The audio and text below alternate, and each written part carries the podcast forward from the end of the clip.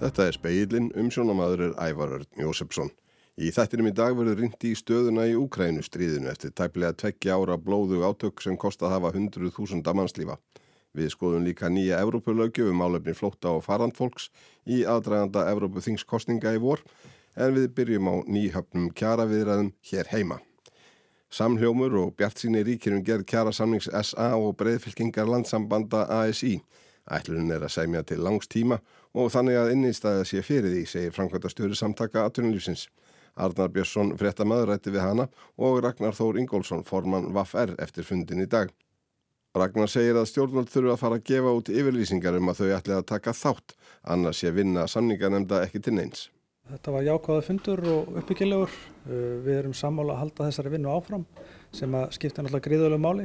Uh, við erum búin að búa að funda aftur í fyrramáli klukkan tíu og uh, sérfræðingar uh, samlýsaðala munum vinna í allan dag að því að, að fara yfir gögn og fórsendur sem að náttúrulega skiptir mjög miklu máli að, að, að aðlar síðu sammála um og hafi trú á til þess að við getum haldið síðan áfram. En stórumálin er í fanginu á ríkisvaldinu og sveitafélagun? Það er alveg rétt og, og við erum sammáluð um það, bæði Sandug Gatunlýsins og, og okkar samflót, okkar hópur um að stjórnvöld þurfa að uh, fara að gefa merkjum það hvort það ætla að vera hluti af þessu eða ekki vegna þess að þessi vinna hjá okkur núna eru þetta tilgangslaus ef að stjórnvöld ætla ekki að koma að þessu verkefni. Hvað gerir þið þá? Já þá náttúrulega get ég ekki séð að þessari ríkistjórn sé stætt vegna þess að það hlýtur að vera ábyrð ríkistjórnarinnar að halda hér stöðuleika Eh, ekki bara á vinnumarkaði heldur gera allt sem í hennar valdi stendur til að ná hér niður vöxtum og verðbólgu ef hún er ekki starfið sinu vaksin að þá hlýtur að þurfa hljóta þau að þurfa að endur skoða ráð sitt. Nú hefur uh, fólk fundið fyrir hækkunum að undanförnu.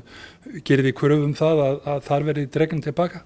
Já, það er hluti af þessu. Bæði bóðar gjaldskar og hækkanir hins ofnbæra, sveitafjöla og ríkisins, sömulegis líka uh, verðlasækkanir og bæði sér satt er hækkanir sem hafa átt sér stað að einhverju leiti verði dregna tilbaka og sömulegis líka eh, er bóðuð hækkanir verið endur skoðan. Það, það, er hluti af þessari vinnu. En hafið þið náðu samkómulegi við samtöku aðtururengata, gangi það eftir að, að stjórnvöld og sveitafélög komi inn í þetta, hafið þið komist að samkómulegi um launahækkun?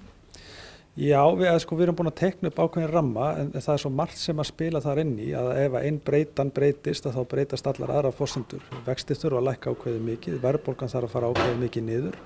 Eh, launaliðurinn hangir á, á aðgerðum stjórnvalda og líka sömulegis væntingum okkar varðandi vakstastig, eh, varðandi húsnæðismálinn og miklu fleiri þætti þannig að eh, þetta spilar allt saman. Þannig að þessi samningur ef hann verður, verður með mörgum bröðumstrykum?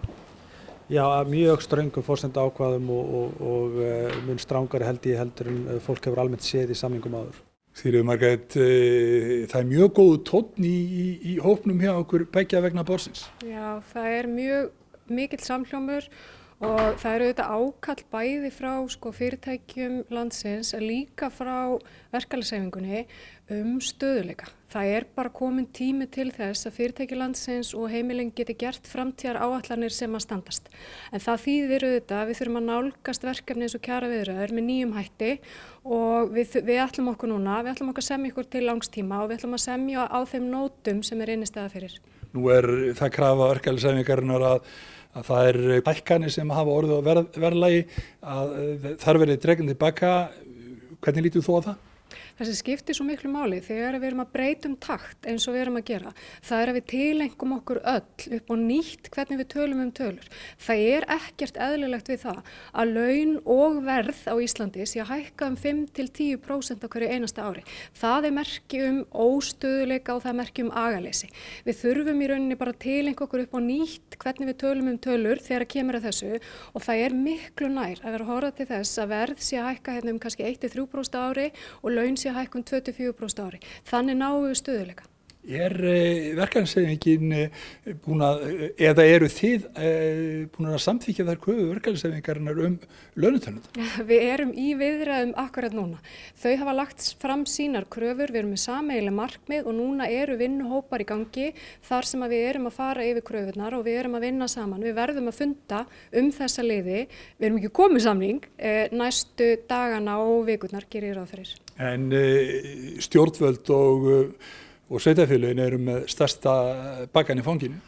Stjórnvöld og sveitafélög þetta þurfa að koma að því þegar við erum á tímamótum eins og þessum. Þar sem við erum í rauninni að gera kjærasamninga sem geta stuðlað efnahagslegum stuðuleika. Það liggur alveg fyrir að það er korki hægt að setja það ábyrð engöngu á verkefliðsefinguna eða fyrirtækin í landinu að ná efnahagslegum stuðuleika. Þetta er verkefni sem að allir armar hagstjórnarinnar þurfa að koma að, allir þurfa að axla sína ábyrð. Og þið eru búin að rekna það út að þetta er best fyrir alla? Við erum að rekna. Sæði Sigriður Margret Ottsdóttir, framkvæmdastjóri samtaka aðtunulífsins, áður rætti Arnar Björnsson við Ragnar Þór Ingólfsson, formann VAF-R. Fjórir fjallu yfir 50 mann særðust í loftarás rúsa á kænugarði gær. Árásinn var svar rúsa við árás úkrænumanna á rúsnesku borgina Belgorót um helgina sem aftur var svar úkrænumanna við árásarreinu rúsa á nokkur skotmörk í Úkrænu sem kostaði hátt í 40 manns lífið. Þær árásir voru einhverjar þar mannskeiðustu sem rúsar hafa gert um allangt skeið. Þegar hortir yfir nýliðið árvirðist einhvers konar pattstaða komin upp í þessu stríði sem hóst með innrás rúsa í Úkrænu fyrir tæpum tveimur árum. Bóðaðar voru og lagt upp í hinar og þessar sóknir og gagsóknir á viksl og fólk var drepið í 2000 tali en það er ekki að sjá að neinar stórar breytingar hafi orðið á vikstöðinni frá því um síðustu áramót. Ég spurði Erling Erlingsson, hernaðasakfræðing, hvort þetta væri rétt mat á stöðunni. Ég held að í hugum flestra sem að fylgjast með kannski ekki, ekki mjög djúft og þá, þá virðist undanfærið ár að enginst af kyrstöðu en, en kannski eins og í átökum af þessu tæja þá hefur verið mjög mikið af þreyfingum eins og þú nefnir tilrönum til að sækja fram. Það voru mikla vonir bundni við sumarsókn úkrænumanna eftir að þeim hefði, þeir hefði fengið mjög mikið af vestrænum vopnum skriðdreikum, einhver leiti og, og, og brinn, brinnvögnum. Uh, við sáum það sem gerðist þar er að veru var dæmi um hversu flóki er að sækja gegn djúpum varnalínum og jærsprengjubeltum sem eru síðan stutt af stórskotaliði og, og þyrlum rúsa og það gerði þessa sóknum mun erfiðar heldur en að margir hafðu vonað. Uh, sérstaklega því úkræðanmenn höfðu ekki verkfæri til þess að eigða þessu stórskotaliði eða þyrlum og styðja sóknina en það er ákveðin tekn á loftu um að þetta kunni að breytast. Hver eru þau tekn? Stóru vandamálin voru eins og ég sagði stórskotalið og, og, og þyrlur sem að rúsar gáttu beitt til að granta skriðdregum og brinnvögnum úr mikill í fjarlægð. Nú eru fregnir af því að úkrænumenn hefði byrjað að fá afhendingu F-16 orustuþótur frá Hollandi og Danmörku þegar flugmenn Úkrænu hers hafa verið að þjálfast á þeim undarfærið ári í Danmörku. Og við sáum núna rétt fyrir áramót að tölur um herþótur sem að rúsar mistu það er hækkuðu mjög og margir er að geta sér til um að bæði aukin loftarna geta með bandariskum Patriot flögum og mögulega F-16 þóttur séu nú þegar komna til Úkræna einhverju leiti beri ábyrð á því og slíkar orðstöðhóttur og önnur vopp sem ókrænum hafa fengið geta ógnað þyrlum rúsa og stórskotaliði og ítt þeim tilbaka og það getur opnað braud fyrir framgang. Af frettum síðustu vikna á mánuðam á ráða að stuðningur Vesturlanda við Úkrænu hafi minkað frekar en hitt. Ellingu segi það rétt og að Úkrænumenn hafi fengið færri vopn upp á síðkastið en þeir hafi vonast eftir. Þau vopp sem þeir hafi fengið hafi hins vegar nýst þeim mjög vel meðal annars til að stöðva margra vikna tilraunir rúsa til að sækja fram á Donbass svæðinu og Erlingur telur ástæðu til að ætla að með frekari stuðningi gæti úkrænumenn bætt vikstöðu sína til muna. Það hefur lengi verið hernaðar aðferð rúsa í raun og verið gegnum áratýjina að, að beita svo kalluðu mulningsstríði þar sem að þeir uh, hafa getu og úttalt til þess að missa mikið, mikið mannabla og mikið af vopnum og endur nýja það með herrkvaðningu og, og framleiða fleiri vopn. En þessar sóknir sem að rússar hafa uh, verið að reka núna undanfjöndum vikum og, og síðast ári einnig þar er jafnvægið í mannfalli er hallar svo á þá að það, það er alls ekki jákvæmt fyrir hernaðarekstur rúsa. Jafnvægið í mannfalli óásættanlegt fyrir rúsa, segir Ellingur, en á hverju byggir svo fullurðing. Vitað er að Úkrænumenn bóða lækkaðan herskildu aldur um tvö ár og rússar hafa staði allskynns æfingum til að fjölga í sínu innrásra liði. Um mannfalli svo það eitt vita með vissu að þúsundir almennaborgara hafa fallið í Ukrænu og einhver hundruð í Rúslandi og svo að töyir og líklega hundruð þúsunda hermana begja vegna výlinunar hafi tínt lífinu. Þær tölur eru þó mjög á reiki og er raun ómögulegt að fulliða nokkuð um hversu margir hafa í raun fallið í þessu stríði. Það er mjög erfitt að meta það að úkrænumenn hafa af mikill skinnsemi haldið sínum tölum lindum. Það hefur mikið að gera með baráttu þrekk þjóðurinnar og eins og þú segir eru þeirra að útvika herskilduna því að það er þannig þegar þú ert kallaður til herskildu og þá, þá berstu ekki allan sólarhengin alla vikuna allt árið heldur þurfa hersveitir kvíld, óháð mannfalli og öðru þannig að þeir eru að vika stærði hersins til þess að geta háð stríð til lengri tíma og það er það sem við horfum líklega fram á. Það eru nokkuð áræðanlegar samt vísindilegar getgáttur um mannfattur rúsa um að það kunna vera yfir 300.000 særðir og fallnir sem er gríðarlega hátala og, og, og það er líklegt að Úkrænum eigin sé það kannski helmingur þess eða minna. Hvað er að baka þessar tölur? Þá eru hernaði sérfræðingar að rýna í uh, mannfall þar sem að myndir hafa borist frá uh, výgvellinum. Þeir eru að horfa á hvað er staðfinn staðfist með myndum eitt mikið að skriðdregum, stórskotilegsvopnum og fleiru og, og reikna út mannfall tengt því þetta er ekki hávísindalegt en, en, en leini þjónustur Breitlands og Bandaríkjana hafa einnig staðfest að þessar tölur stemmi við það sem þeirra mat eh, gefur til kynna. Þannig að það kannast ekki einhverjum, einhverjum 20.000 en ekki 100.000 þannig að vitniskin er nokkuð áræðanleg Aðspurður um líklegustu framvindu mála á þessu ári segir Ellingur tæpast mikill að tíðinda að vænta fyrir en líðatekur að sumri en það hafi blóðug sagan sínt að hvorki harðasti veturinn nýje vorleysingar hendi til stórfældra hernaðaraðgerða á þessum slóðum sem breytt geti vikstöðinni.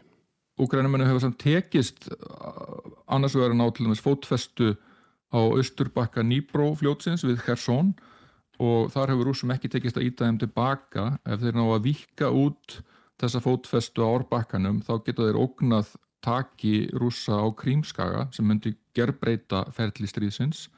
Nú eins hafa ákveðinum en náðað í raun vinna bardaganum svartahafið þeir hafa sökt tölverðin fjölda rúsneska skipa þar meður flagskipi svartahafsflota rúsa og nú nýlega stóru landgönguskipi sem var líklega fullt af skotfærum í höfn á krím. Þannig að ef að stuðningu Vesturlanda þverri ekki að þá er von til þess að Ukrænumenn geta haldið áfram að breyta stuðu átakana sér í vil. Sagði Erlingur Erlingsson að rætt verði við hann um þverrandi stuðning Vesturlanda við Ukrænu og helstu bandamenn rúsa í speiklinum á morgun. Vel á fjórða hundrað þúsund farand og flottamenn reyndu í fyrir að komast inn fyrir landamæri Európusambandsins. Álika tölur hafi ekki sérst síðan 2016. Deildar meiningar um meðferð og móttöku þessa fólks eiga líkindum eftir að enkina umræðina í aðdraganda kostningana til Evrópuþingsins í júni, ekki síst eftir að sögulegt samkómalag náðist fyrir nokkrum vikum um nýja skipan þessara mála innan Evrópusambandsins. Eftir að samningamenn á vegum Evrópuþingsins, ráðræðaráðsins og framkvæmdastjórnar Evrópusambandsins hafðu setið á marathónfundum um miðbygg desember gáttu leðtóar þessara stofnana státað af því að hafa landað samkómulagi sem hefur verið að ná undan farin tíu ári eða svo um samræmdar aðgerðir og sameiginlega ábyrg allra aðeldaríkjana á því hvernig tekið er á móti flótafólki og farið með það. Mikilvægasta samkómulagið á þessu kjörtímabili, sagði Roberta Metzola, fósiti Evropaþingsins á bladamannafundi sem haldin var hér í Brussel 20. desember. Probably uh, the most important, legislative deal of this mandate. It was the number one concern of our citizens in 2019. It still remains the number one concern Og aðalmálið fyrir kjósendur, bæði núna og árið 2019, sagði Metzola. Þá var einmitt síðast kosið til Evrópuþingsins. Næstu kostningar verða snemma í júni og það þykir nokkuð ljóst að þetta verður stóra málið í þeirri kostningabarátu. Ylva Jóhansson sem fer með innanríkismál hjá framkvæmdastjórn Evrópusambandsins tók í sama streng á sínum bladamannafundi. Samkómulægið er mikilvægt svar til íbúa Evrópu. Það verði að koma böndum á fólksflutninga og og aðeldaríkin verði að gera það í sammenningu, sagði hún. And I think this is a very important uh, answer to the EU citizens that have been waiting for this answer. We need to manage migration orderly. And we need to be able to do that. We have to do it together.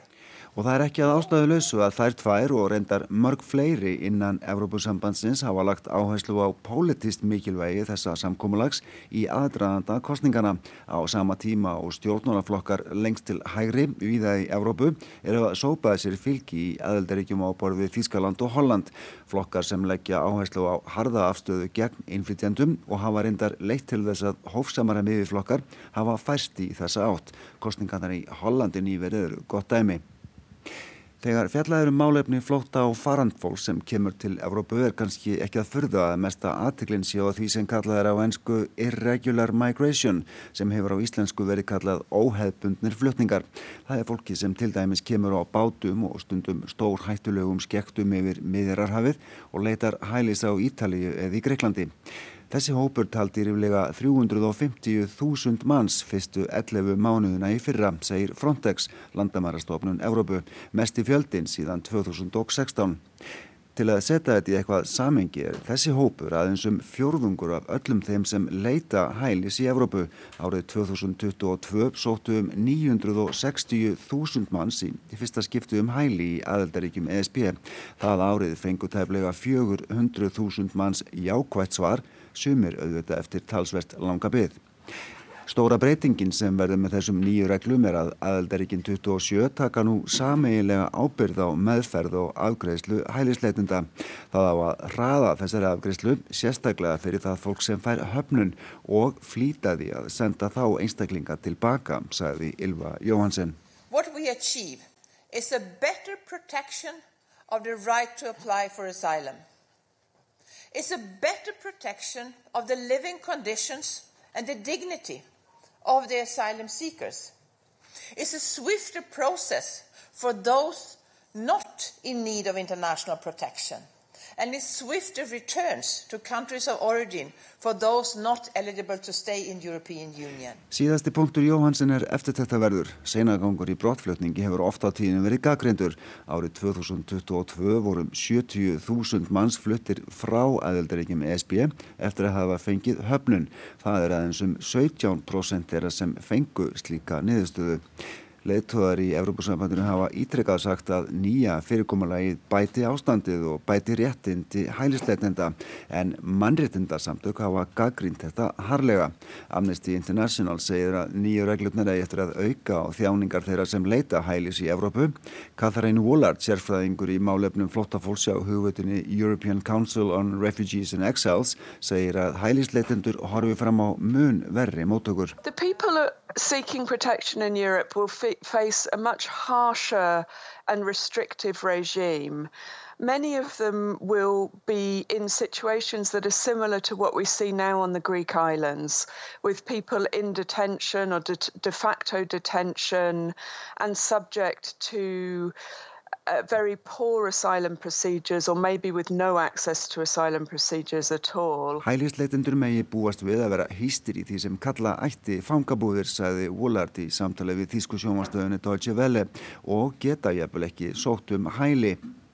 Búast má við að leittóðar á Európusambandsins og Európuþingið leggji endanlega blessum sína yfir nýju reglutnar snemma á þessu ári áður en kosið verður til Európuþingsins og ekki síst áður en ungverjar taka við formensku í leittóðaráðinu í byrjun júli. Stjórnvöld þar í landi hafa nefnilega tekið harða afstöðu gegn þessu samkómulegi. Björn Málkvist, frettamæður Rúfi í Brussel, saði frá. Fleira er ekki í speklinum. Tæknimaður var Markus Hjaldarsson Hægt er að hlusta á speilin í speilar að rúf og helstu hlaðvarpsveitum. Veriði sæl.